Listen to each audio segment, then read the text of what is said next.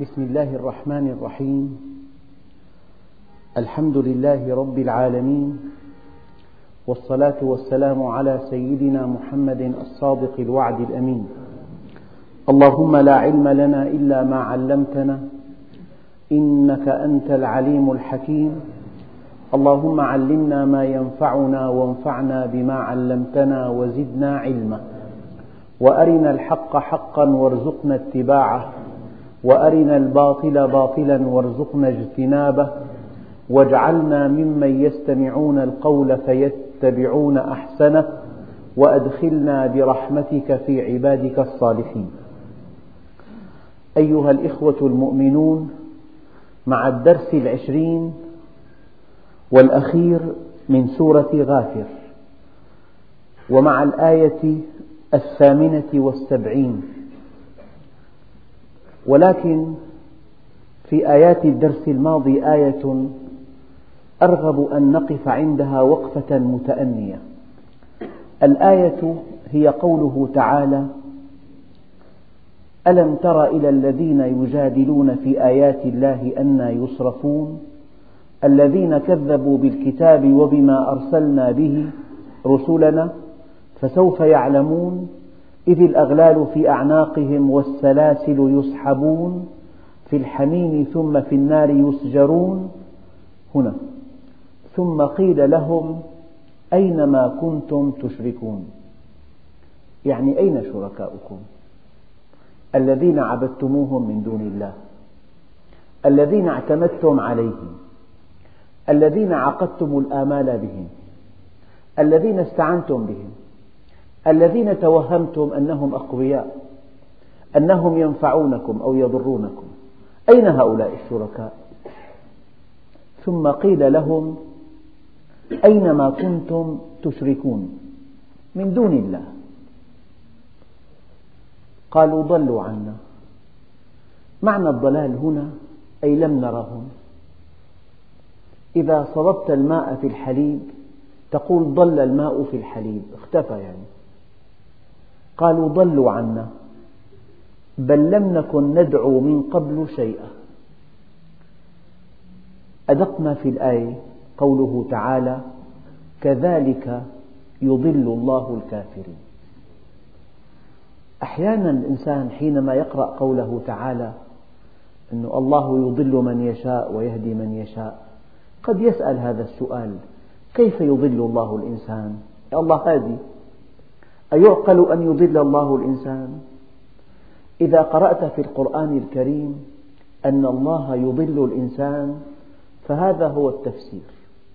يعني أنت إذا أشركت بالله لا سمح الله ولا قدر شركا جليا أو خفيا اعتمدت على غير الله عقدت الأمل على غير الله وضعت أملك بغير الله توهمت أن فلان ينفعك أو يضرك. يعني إذا أشركت فالله سبحانه وتعالى يجعل هذا الشريك ضعيفا أمامك. تستنجد به فلا ينجدك. تستجير به فلا يجيرك. تطلب منه فلا يجيبك. ماذا فعل الله عز وجل؟ أضلك عن هذا الشريك وأراد أن تتصل به. لو أن هذا الشريك أجابك لو أنجدك لو أغاثك لو نفعك فعلا أو ضرك لازداد اعتقادك به. لكن من شأن الله سبحانه وتعالى أنك إذا أشركت به أحدا فهذا هذا الشخص الذي أشركت الله به يريك ضعفه يريك لؤمه يريك تخليه يريك أنه ضعيف مثلك. تبحث عنه عند الضرورة فلا تجده. تجده تسأله فلا يجيبك. تتوسل إليه فلا ينجدك. قال أين شركاؤكم الذين كنتم؟ ثم قيل لهم أين ما كنتم تشركون من دون الله؟ أين هم؟ قالوا ضلوا عنا ما رأيناهم. ما أنجدونا؟ ما نفعونا؟ ما خلصونا؟ ضلوا عنا. قال بل لم نكن ندعو من قبل شيئا. يعني هؤلاء الذين أشركنا الله أشركناهم مع الله ليسوا بشيء. لا يسمعون ولا يستجيبون ولا يمنعوننا من, من عذاب الله ولا يجلبون لنا النفع ولا يدفعون عنا الضر. لذلك هذا فعل الله عز وجل. هذا هو إضلال الله للإنسان. يعني إذا اعتقد الإنسان أن جهة ما دون الله عز وجل بإمكانها أن تنفعه أو أن تضره أو أن تجلب له النفع أو أن تدفع عنه الضر. إذا أشرك الإنسان بالله عز وجل هذا الذي أشركت الله به الله جل جلاله سوف يريك ضعفه يريك أنه ليس بشيء لا يسمع ولا يرى. ولا يستجيب ولا يقدم ولا يؤخر ولا ينفع ولا يضر. قالوا ضلوا عنا بل لم نكن ندعو من قبل شيئا. أدق ما في الآية. كذلك يضل الله الكافرين. فهل عرفتم أيها الإخوة ماذا يعني إضلال الله للإنسان؟ لا يضل الله الإنسان عن ذاته يضله عن شركائه. إذا توهم الإنسان أن لله شريكا الله سبحانه وتعالى يضل الإنسان عن الشريك الذي أشرك الله به. هذا هو المعنى الذي يليق بالله عز وجل أن الله حينما يضل الإنسان لا يضله عن ذاته العالية الكاملة يضله عن شركائه الذين تعلق بهم أو توهم بهم القوة أو اعتد بهم أو عقد الأمل عليهم أو أراد أن ينفعوه. وهذا درس بين أيدينا. الآن التطبيق العملي لهذه الآية. دقق. أي إنسان أو أي شيء غير الإنسان الإنسان إذا توهم أن المال يفعل كل شيء جعل المال إلها. الله كيف يعالجه؟ يرسل له مشكلة لا تحل بالمال أبدا. يضله عن هذا الشريك. إذا اعتقد أن زيدا ينفعه فربنا عز وجل من رحمة الله بهذا العبد زيد يتخلى عنه. يتخلى زيد عنه بأمر من الله عز وجل كي يعرف قيمته ويعرف أنه لا شيء. لكن لو, لو, لو ظننا العكس أنه أنت اعتقدت بإنسان أنه يفعل أو يضر أو يرفع أو يخفض أو يعطي أو يمنع وأجرى الله لك الخير على يده. لو فعل الله ذلك لزاد اعتقادك أنه شريك. فمن رحمة الله بك أنك إذا أشركت معه أحدا يريك ضعفه أو يريك لؤمه أو يريك أنه لا يفعل شيئا. إما أنه لا يستجيب لك أو لا يسمع أو لا يرى أو إذا استجاب أو إذا سمعك وطلبت منه لا ينجدك. يعني حينما ربنا سبحانه وتعالى ينزل هذا الشريك من عينك من أجل أن تلتفت إليه وحده إذا عزي الإضلال إلى الله عز وجل فهذا أحد معاني الإضلال. إذا عزي الإضلال إلى الله. عز وجل فهذا أحد معاني الإضلال أي أن الله سبحانه وتعالى يضلك عن الذين ادعيت أنهم شركاء لله.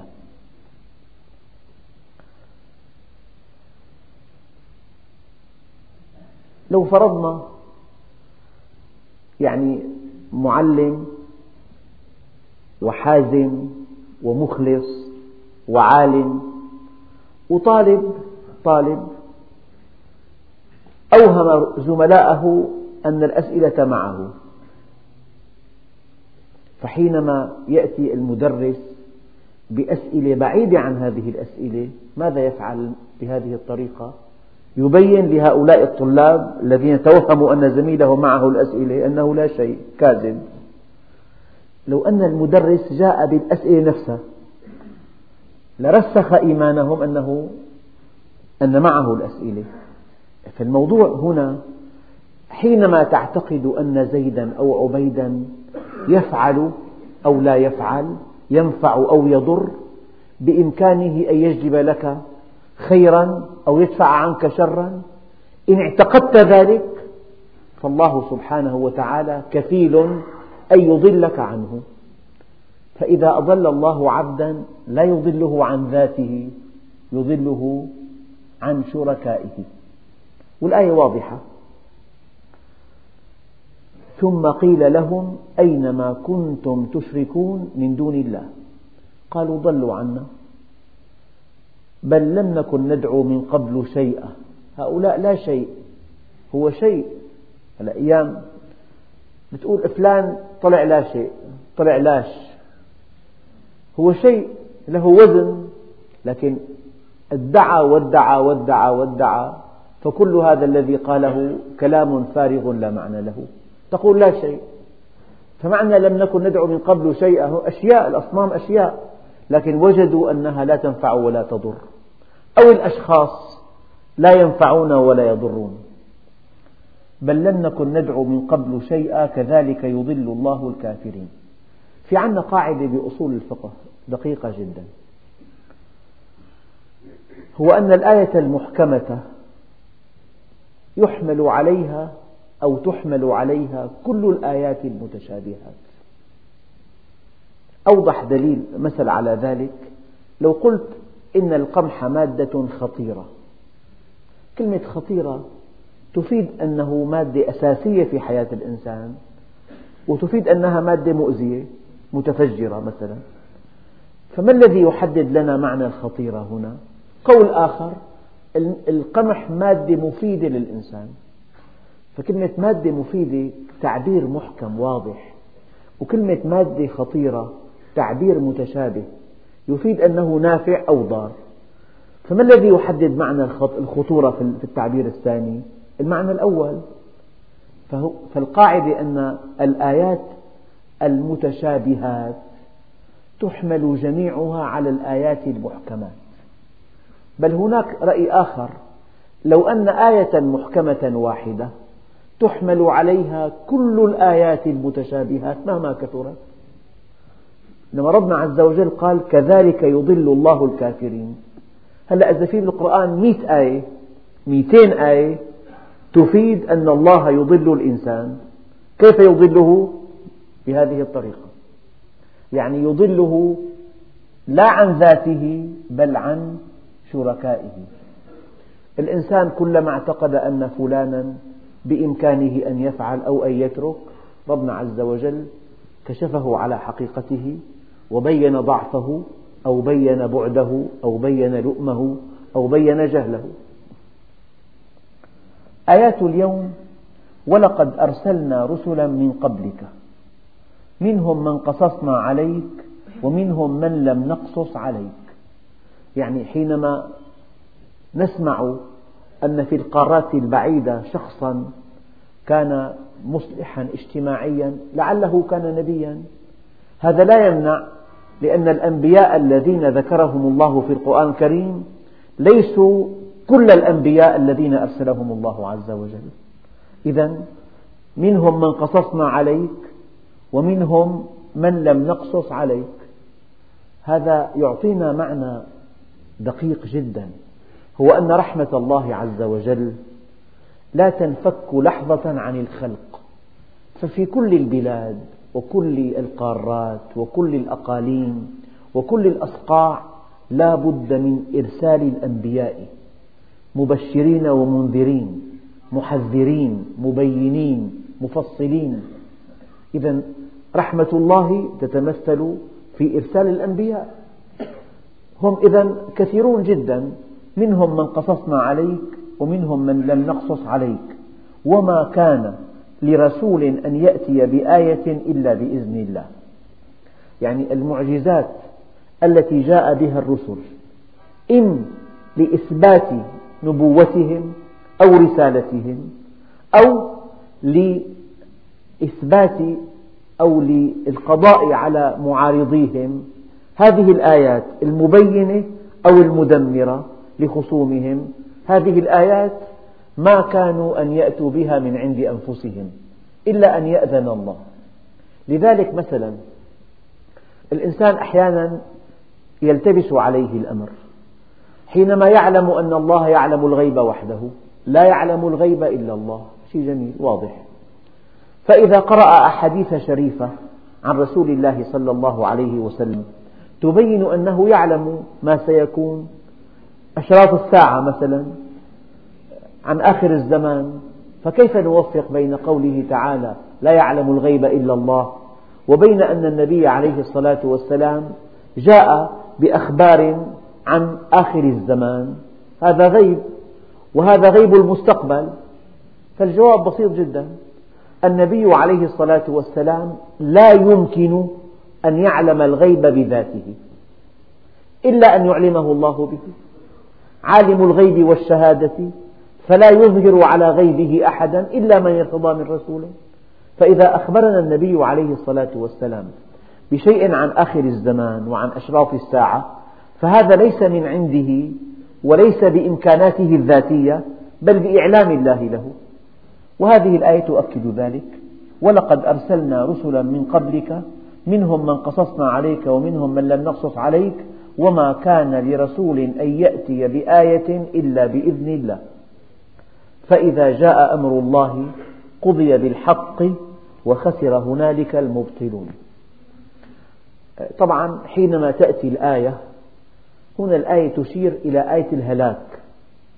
يعني مثل قوم صالح لما طلبوا آية أن تخرج ناقة من الجبل فخرجت فلما لم يؤمنوا استحقوا الهلاك. فهذه آية جمعت بين التبيين وبين الهلاك. على كل أية آية حينما الإنسان يؤمن بالآية بعد فوات الأوان هذا الإيمان لا قيمة له. وكنت أقول لكم دائما إن الإيمان أو إن خيارك مع الإيمان خيار وقت لا خيار قبول أو رفض. لأنه إن لم تؤمن في الوقت المناسب فلا بد من أن تؤمن في الوقت غير المناسب. إيمانك في الوقت المناسب ينجيك أما إيمانك بعد الوقت المناسب لا ينجيك. فرعون آمن آمن بعد فوات الأوان قال آمنت بالذي آمنت به بنو إسرائيل قال الآن وقد عصيت من قبل. إذا وما كان لرسول أن يأتي بآية إلا بإذن الله فإذا جاء أمر الله قضي بالحق وخسر هنالك المبطلون. النبي عليه الصلاة والسلام لما انتصر في معركة بدر ورأى كفار قريش وهم صرعى في ساحة المعركة وقد أمر أن يلقوا في القليب البئر يعني خاطبهم بأسمائهم واحدا واحدا قال يا فلان يا عتبة بن شيبة يا ربيعة بن أمية يا أمية بن خلف واحد واحد. قال هل وجدتم ما وعد ربكم حقا؟ فإني وجدت ما وعدني ربي حقا. لقد صدقتموني وكذبني الناس.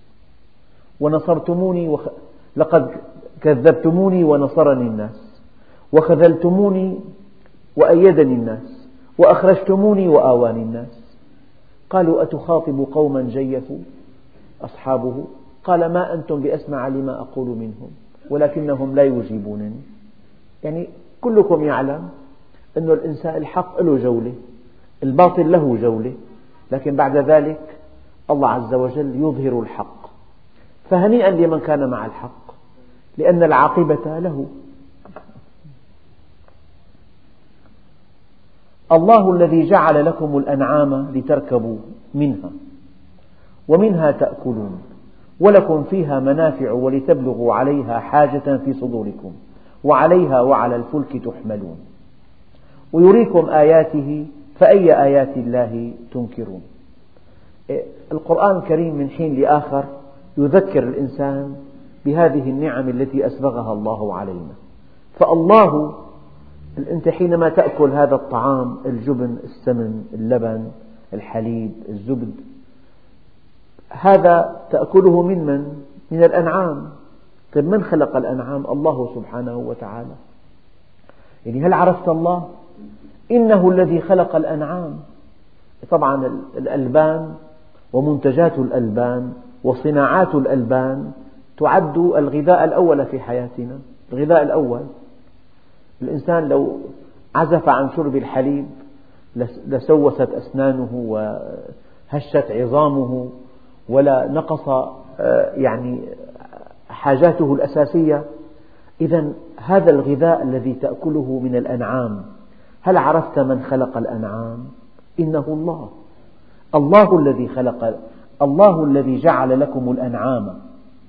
لتركبوا لتركبوا منها. يعني بعضها للركوب ومنها تأكلون وبعضها للأكل وبعضها تركبونها وتأكلون منها. ولكم فيها منافع جلدها وبرها صوفها لحمها عظمها. كل شيء في الأنعام يستفاد منه من دون استثناء. حتى أن روسها أو بعرها هذا يعني يباع بأغلى الأثمان هو أعلى أنواع السماد من دون استثناء. لك حطينا عشرين ألف تسميد أرض سماد طبيعي. كل شيء فيها يستفاد منه حتى روسها وبعرها. أه، ولكم فيها منافع في شيء آخر هي مصممة أن تركبها مصممة أن تأكل لحمها مصممة أن تستخدم جلدها مصممة أن تشرب من لبنها. وفوق كل ذلك مهيئة مذللة. قد يغيب عنا أحيانا أنها مذللة. كيف ننتفع بها إذا كان في أخلاقها أخلاق الضباع مثلا؟ كيف ننتفع بها إذا كان في أخلاقها أخلاق السباع؟ كيف ننتفع بها إن لم تكن يعني أهلية كما يقولون؟ لو أنها متوحشة لا ننتفع بها. ومرة قلت لكم كثيرا أن ربنا عز وجل جعل بعض الأمراض يصيب البقر. هذا المرض اسمه التوحش. يعني صاحبها وقد دفع, دفع سبعين ألف ليرة ثمنها يطلق عليها الرصاص لأنها بدأت تقتل البشر. إذا حينما تبدو البقرة مذللة والناقة مذللة والحصان مذلل والدابة مذللة والغنم مذلل هذه نعمة تضاف إلى النعم الأخرى. إذا بنيتها ولحمها وعظمها وحليبها وجلدها ووبرها وصوفها تركب وتؤكل وتحلب وفوق كل ذلك هي مذللة. الله الذي جعل لكم الأنعام لتركبوها لتركبوا منها. ومنها تأكلون ولكم فيها منافع ولتبلغوا عليها حاجة في صدوركم وعليها وعلى الفلك تحملون. الإنسان أحيانا يقرأ قوله تعالى في سورة النحل والخيل والبغال والحمير لتركبوها وزينة. لو أنه ركب طائرة من أحدث الطائرات ورأى أنها تقل أربعمائة راكب وتعلو أربعين ألف قدم وتمخر عباب الجو وهؤلاء الركاب جالسون على مقاعد مريحة وحاجاتهم بين أيديهم ويعني حاجاتهم الأخرى في مستودعات الطائرة وقرأ قوله تعالى والخيل والبغال والحمير لتركبوها وزينة لكن, لكن الله عز وجل قال ويخلق ما لا تعلمون ويخلق ما لا تعلمون غطت كل وسائل النقل الحديثة لأن الله سبحانه وتعالى خالق الكون وهو يعلم أن الإنسان سوف يخترع أو سوف يعني يصنع أدوات للمواصلات غير هذه الأدوات. فلو أن هذا القرآن كلام سيدنا محمد وأغفل آخر ما في الآية لرأينا أن هناك بونا شاسعا بين الخيل والبغال والحمير وبين الطائرة والسيارة والقطار والسفينة. قال والخيل والبغال والحمير لتركبوها وزينة ويخلق ما لا تعلمون.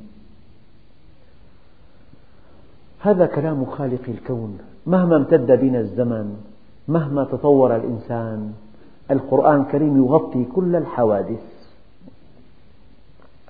ولكم فيها منافع ولتبلغوا عليها حاجة في صدوركم وعليها وعلى الفلك تحملون. لكن الإنسان الآن يقول لك أريح السيارة. يعني مريحة مقاعدها وثيرة تنطلق بسرعة عالية. فيها كل وسائل الراحة والتكييف والتدفئة إلى آخره. أحد إخواننا الكرام كان ببلد أجنبي حدثني قرأ مقالة مفادها أن ركوب الخيل يقي من أمراض القلب يقي. بينما اعتياد ركوب السيارة دون أن الإنسان يناوب بينها وبين الحركة والمشي هذا من شأنه أن يصيب بأمراض القلب. يعني الله عز وجل صمم هذه الأدوات هذه الوسائل الركوب تصميم يتوافق مع صحة الإنسان. ويريكم آياته. فأي آيات الله تنكرون؟ أي شيء في الكون؟ لا يدل على وجود الله وعلى علم الله وعلى قدرة الله وعلى كمال الله وعلى وحدانية الله. فأي آيات الله تنكرون؟ أفلم يسيروا في الأرض فينظروا كيف كان عاقبة الذين من قبلهم؟ كانوا أكثر منهم وأشد قوة وآثارا في الأرض. يعني أحيانا ربنا عز وجل بنوع الطرق إليه. وقد قالوا الطرائق إلى الخالق بعدد أنفاس الخلائق. فخلق السماوات والأرض طريق إلى الله لكنه طريق سريع وطريق عريض وطريق قصير خلق السماوات والأرض. هذا طريق. هناك طريق آخر طريق أن تنظر في أفعال الله. أفلم يسيروا في الأرض؟ وكلمة في الأرض هذه من إعجاز القرآن العلمي. يعني أنت أيها الإنسان تسير على الأرض أم في الأرض؟ تمشي في السراديب أم في الأقبية؟ لكنك تمشي على سطح الأرض. العلماء قالوا إن الهواء عده القرآن جزءا لا يتجزأ من الأرض. والدليل الهواء غلاف للأرض يتحرك معها. لو ثبت الهواء وتحركت الأرض ما بقي على وجه الأرض شيء. لأن الرياح المدمرة 200 كيلومتر بالساعة. الرياح التي الأعاصير التي لا تبقي ولا تذر في أعاصير إذا أتت على مدينة لا تبقي فيها شيئا ولا بناء ولا أشجار ولا جدران. هي 400 كيلومتر بالساعة 500 لو أن الغلاف الهوائي ثبت والأرض تدور لكان على وجه الأرض تيارات من الرياح. سرعتها تزيد عن 1600 كيلومتر بالساعة. دمرت كل شيء. فالهواء غلاف للأرض يدور معها. إذا إذا سرت أنت على وجه الأرض فهذه الآية فيها إشارة إلى أنك تسير في الأرض لأن الهواء جزء لا يتجزأ من الأرض. أفلم يسيروا في الأرض؟ فينظروا كيف كان عاقبة الذين من قبلهم. ماذا حل بفرعون؟ وماذا حل بسيدنا موسى؟ ماذا حل بأبي جهل وماذا حل بالنبي محمد عليه الصلاة والسلام؟ هؤلاء الطغاة العتاة الذين أرادوا إطفاء نور الله عز وجل ماذا, حل, ماذا حل بهم؟ وهؤلاء الدعاة الصادقون الأنبياء المؤمنون المتقون ماذا حل بهم؟ لمن كانت العاقبة؟ أليست هذه قواعد؟ الإنسان يدرس ويتأمل ويستنبط ويستنتج ثم يحكم. طيب لا, تبعدوا هلأ الشاب المؤمن المستقيم لو تتبعت حياته لوجدت أن حياته حافلة بالتوفيق وحافلة بالسكينة وحافلة بالاستقرار وحافلة بالسعادة يوفق في زواجه يوفق في عمله ماله حلال بيته متوازن عنده سكينة نفس كل هذه الميزات هي ثمرة من ثمار الإيمان. فأفلم يسيروا في الأرض فينظروا كيف كان عاقبة الذين من قبلهم. كانوا أكثر منهم وأشد قوة. يعني إذا واحد زار آثار الفراعنة يأخذه العجب العجاب يعني ممكن الأهرام كل حجر أكثر من عشرين طن. هذا الحجر جيء به من جنوب مصر وحمل على سفن عبر نهر النيل ونقل من ضفة النيل إلى أقصى القاهرة. طيب هذا الحجر كيف حمل؟ القاهرة وما حولها صحراء لا أحجار فيها وهذه الأهرامات جربت أحجارها من مكان بعيد من جنوب مصر. طيب هذه كيف جربت؟ وكيف بنيت؟ وفي صور أو في بقايا من الأهرامات الأهرامات كانت مغطاة بطبقة مزخرفة من الفسيفساء شيء رائع جدا. طيب كيف بنيت الأهرام؟ هناك بعض الأهرامات تدخلها الشمس في العام يوما واحدا. هو يوم وفاة فرعون. طيب نحن عندنا إمكانية المهندسين يضعوا نافذة بحجم وبأبعاد وبميول بحيث أن أشعة الشمس تدخلها في يوم واحد. أفلم يسيروا في الأرض فينظروا كيف كان عاقبة يصدق هذه الآية الكريمة. يعني تحت الأرض مدن بأكملها حضارات بأكملها. كل شيء يخطر في بالك تحت الأرض في مقابر فرعون. يعني حاجاتهم طعامهم للآن مقدد. قطع اللحم التي كانت قبل ستة آلاف عام إلى الآن موجودة في متاحف الفراعنة. خبزهم إلى الآن أدواتهم الخاصة إلى الآن عرباتهم في القبر. هم يعتقدون أن هناك حياة بعد الموت حياة مادية. لذلك يهيئون في القبر كل شيء لفرعون. طيب هؤلاء الفراعنة والأنباط الأنباط حفروا الجبال قصور في الجبال. قاعة تقترب من حجم هذا المسجد مكعب دقيق دقيق منحوت من الصخر. وزخرفات وتيجان وأعمدة كلها من الصخر. ليس هناك بناء نقب. طيب الأنباط فعلوا شيئا عظيما. وهناك دراسات تؤكد أن الأقوام السابقة لهم إنجازات مذهلة. لكن عفى عليها الزمان. إذا أفلم يسيروا في الأرض فينظروا كيف كان عاقبة الذين من قبلهم كانوا أكثر منهم وأشد قوة وآثارا في الأرض فما أغنى عنهم ما كانوا يكسبون. يعني هذه الإنجازات الضخمة لأنها للدنيا لم تنفعهم شيئا حينما جاءهم الموت. والإنسان حينما يأتيه ملك الموت إما أن ينجح وإما أن يسقط.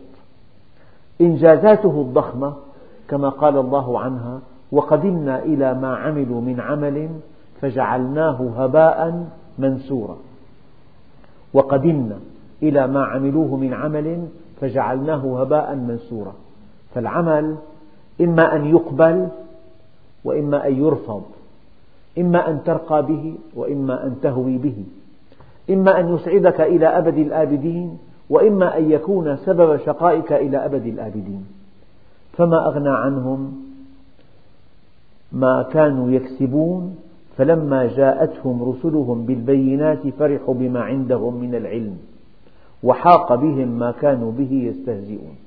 هذه الآية وقف عندها المفسرون وقالوا فيها ثلاثة أوجه.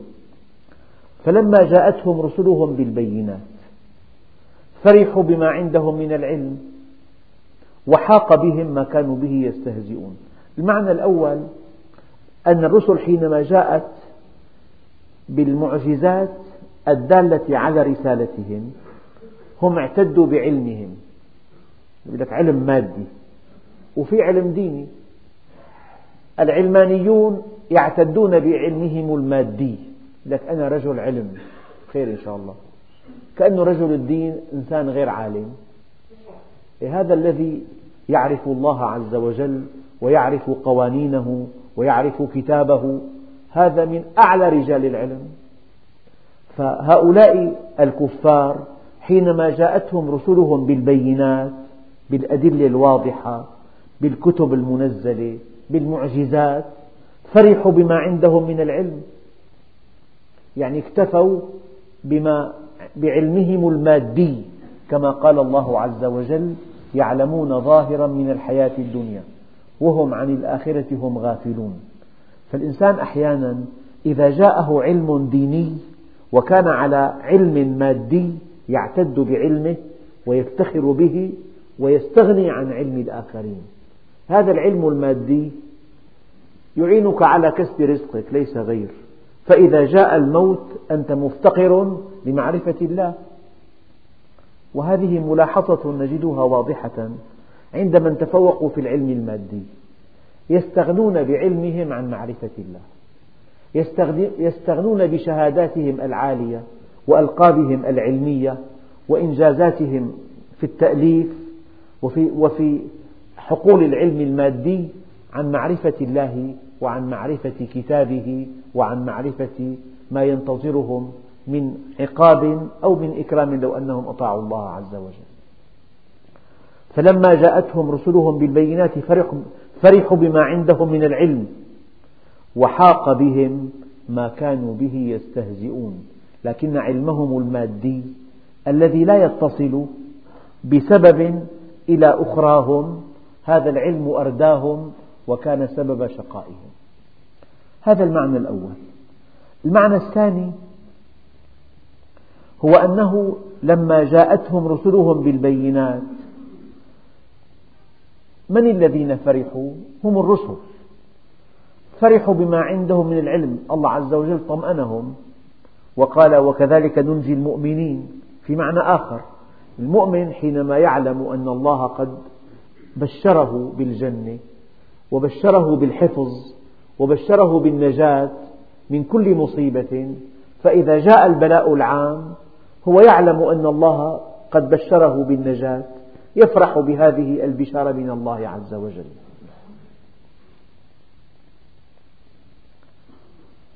فلما رأوا بأسنا قالوا آمنا بالله وحده. الإنسان يعتمد على زيد أو عبيد وعلى فلان أو علان فإذا جاء بأس الله عز وجل يقول يا رب ما في غيرك؟ طيب وين كانوا الجماعة يعني كنت تعتقد بهم وتعتقد أنهم يخلصونك من كل ورطة. فهذا من شأن الإنسان. متى يوحد عند المصيبة؟ لكن البطولة أن توحد وأنت في الرخاء. وأنت في الرخاء تقول فلان وعلان وزيد وعبيد وفلان نفعني وفلان ضرني ولولا الطبيب الفلاني ما كان ابني نجا من هذا المرض الخطير. ولولا هذا المحامي اللامع لخسرت القضية. ولولا هذا الغذاء لفقدت صحتي. وهو في الرخاء يعزي كل شيء لسوى الله. فإذا جاء بأس الله عز وجل قالوا آمنا بالله وحده. وكفرنا بما كنا به مشركين. لكن هذا الإيمان هذا التوحيد بعد فوات الأوان لا قيمة له عند الله عز وجل. أيها الإخوة، مرة ثانية وثالثة ورابعة، الإيمان له وقت مناسب، أما إذا كان في الوقت غير المناسب فلا ينفع، والدليل فلم يك ينفعهم إيمانهم لما رأوا بأسنا. ما دمت في بحبوحة من صحتك ما دمت في بحبوحة من عمرك ما دمت في بحبوحة من شبابك فهذا وقت الإيمان. أما على فراش الموت حين انقضاء الأجل عند نزول المصيبة هذا الإيمان الذي يأتي في, في الوقت غير المناسب بعد فوات الأوان لا ينفع أبدا. بالعكس حسرة. مرة ثانية وثالثة ورابعة لا بد من أن تؤمن لكن بعد فوات الأوان. الآن مطالب أنت أن تؤمن قبل فوات الأوان. أن تؤمن وأنت صحيح شحيح. أن تؤمن وأنت شاب. أن تؤمن وأنت في مقتبل الحياة. أن تؤمن وكلك أمل بالحياة. هذا الإيمان. هنا ينفع. أن الإيمان إذا كان في مقتبل الحياة تحركت في من خلاله. اخترت بيتك وأهلك وعملك. وعلاقاتك وأصحابك وأصدقائك. فالإيمان ماذا ينفع؟ ينفع في اتخاذ القرار. لكن إذا الإنسان آمن بعد فوات الأوان صار الإيمان حسرة. هؤلاء آمنوا لكن متى آمنوا؟ لما رأوا بأسنا. يعني ألف كتاب اسمه الحياة بعد الحياة. كتاب نادر طبيب آه، وجد مريض غاب عن الوعي في دقائق معدودة.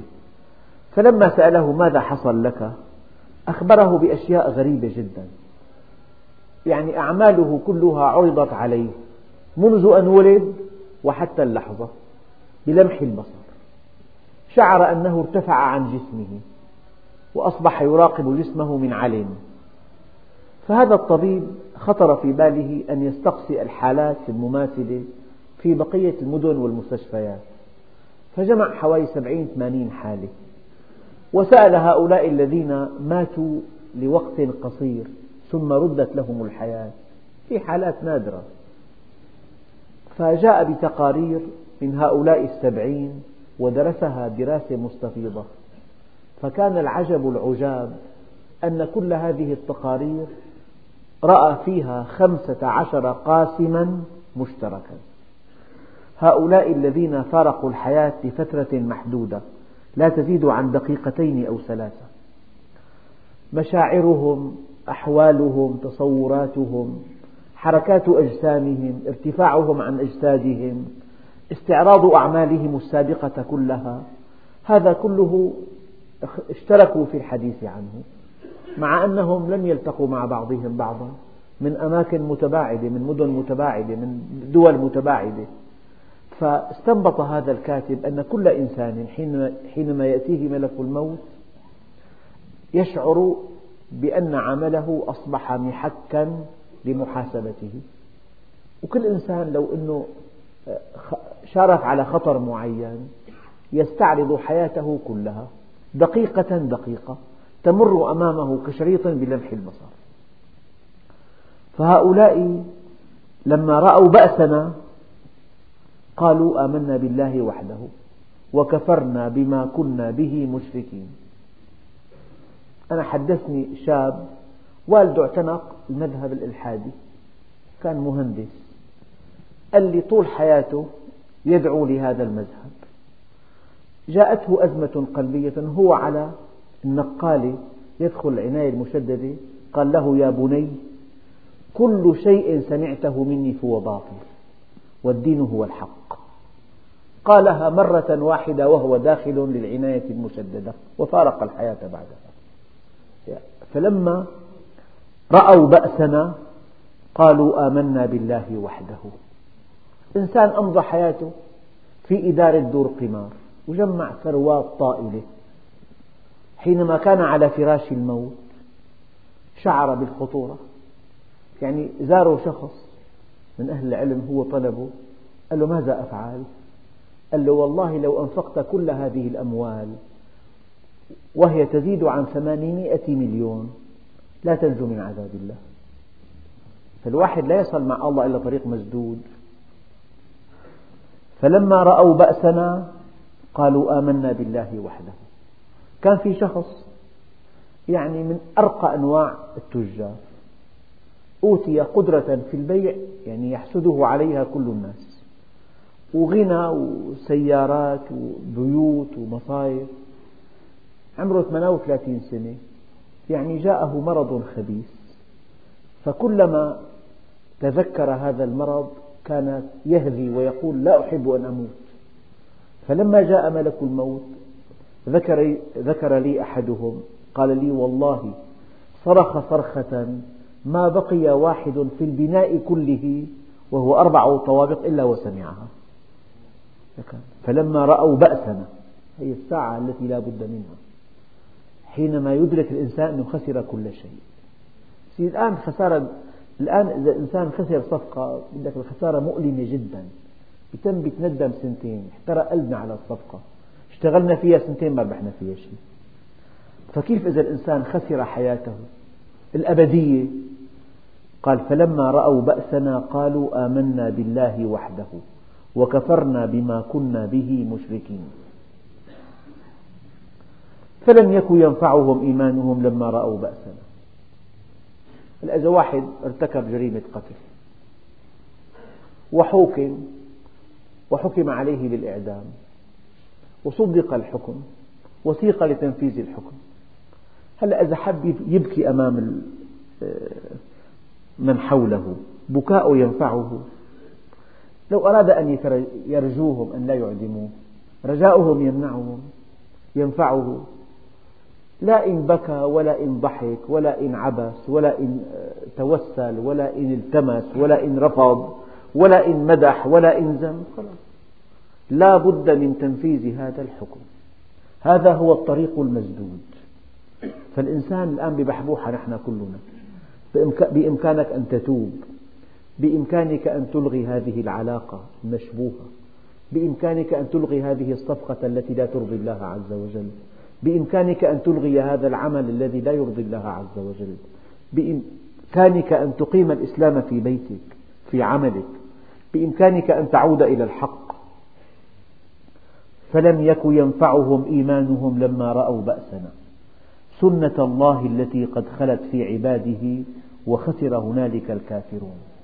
فلذلك الإنسان كما قال سيدنا عمر بن عبد العزيز الليل والنهار يعملان فيك.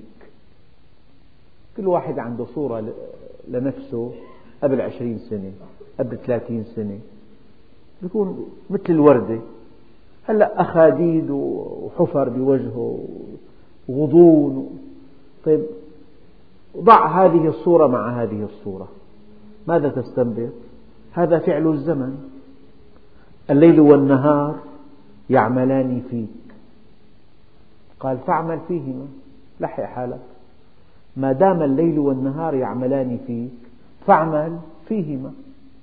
فالبطولة أن نعرف الله عز وجل وأن نعرفه في الوقت المناسب وأن نعرفه في العمر المناسب وأن نستفيد من هذه المعرفة.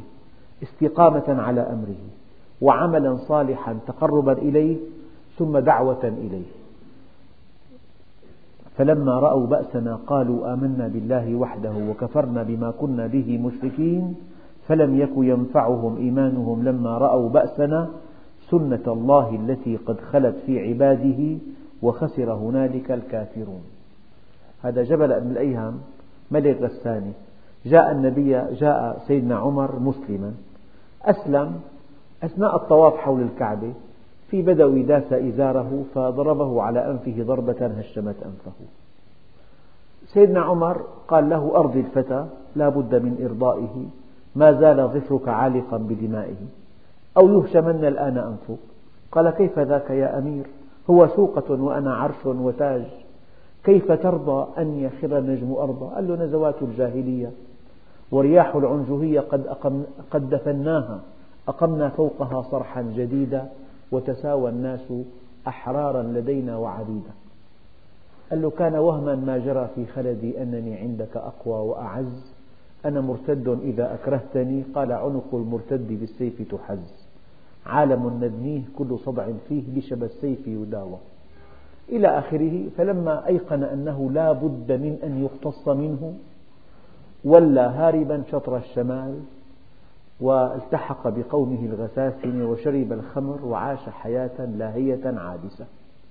لكن عثرت قبل فترة على أبيات قالها وهو, وهو يفارق الحياة. لو, قرأت لو سمعتم هذه الأبيات شعرتم أن قلبه يعتصر من شدة الندم.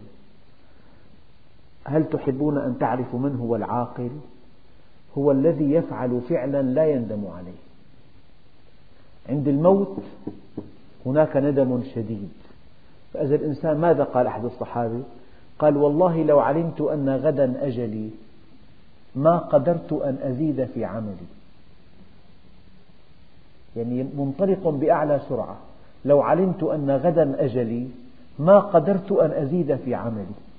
وقال سيدنا علي والله لو كشف الغطاء ما ازددت يقينا؟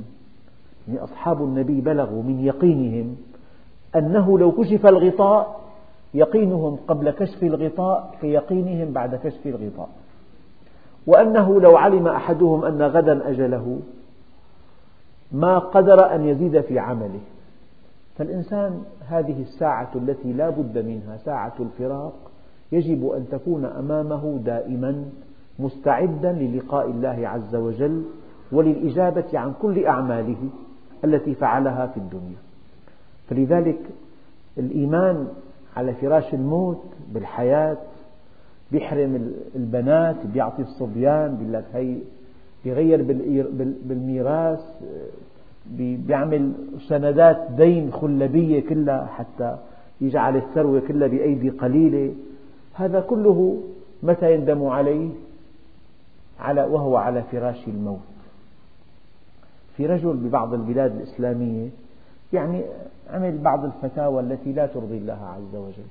قال لي أحد علماء دمشق اللي كنت حضرت نزعه الأخير وهو على فراش الموت رفع يديه الاثنتين وقال إنني أشهدكم أنني بريء من كل الفتاوى التي أتيت بها من قبل. طبعا أدرك الخطورة. فنحن نريد هذه الساعة ساعة لقاء الله عز وجل لذلك كل واحد منا قبل أن تقول كلمة قبل أن تأخذ مبلغا قبل أن تقطع قبل أن تمنع قبل أن تعطي قبل أن لا تعطي قبل أن تغضب قبل أن ترضى قبل أن تصل قبل أن تقطع قبل أن تقف أي موقف هل عندك جواب لله عز وجل عندك جواب لله إذا معك جواب كما قال عليه الصلاة والسلام إذا لم تستحي فاصنع ما تشاء. من معاني هذا الحديث يعني إذا عرضت هذا الأمر على نفسك وأنت بين يدي الله ووجدت أنك محق في هذا العمل هذا العمل لا تستحي به. إذا افعله ولا تخشى كلام الناس. إذا لم تستحي من الله بهذا العمل افعله ولا تخشى أحدا.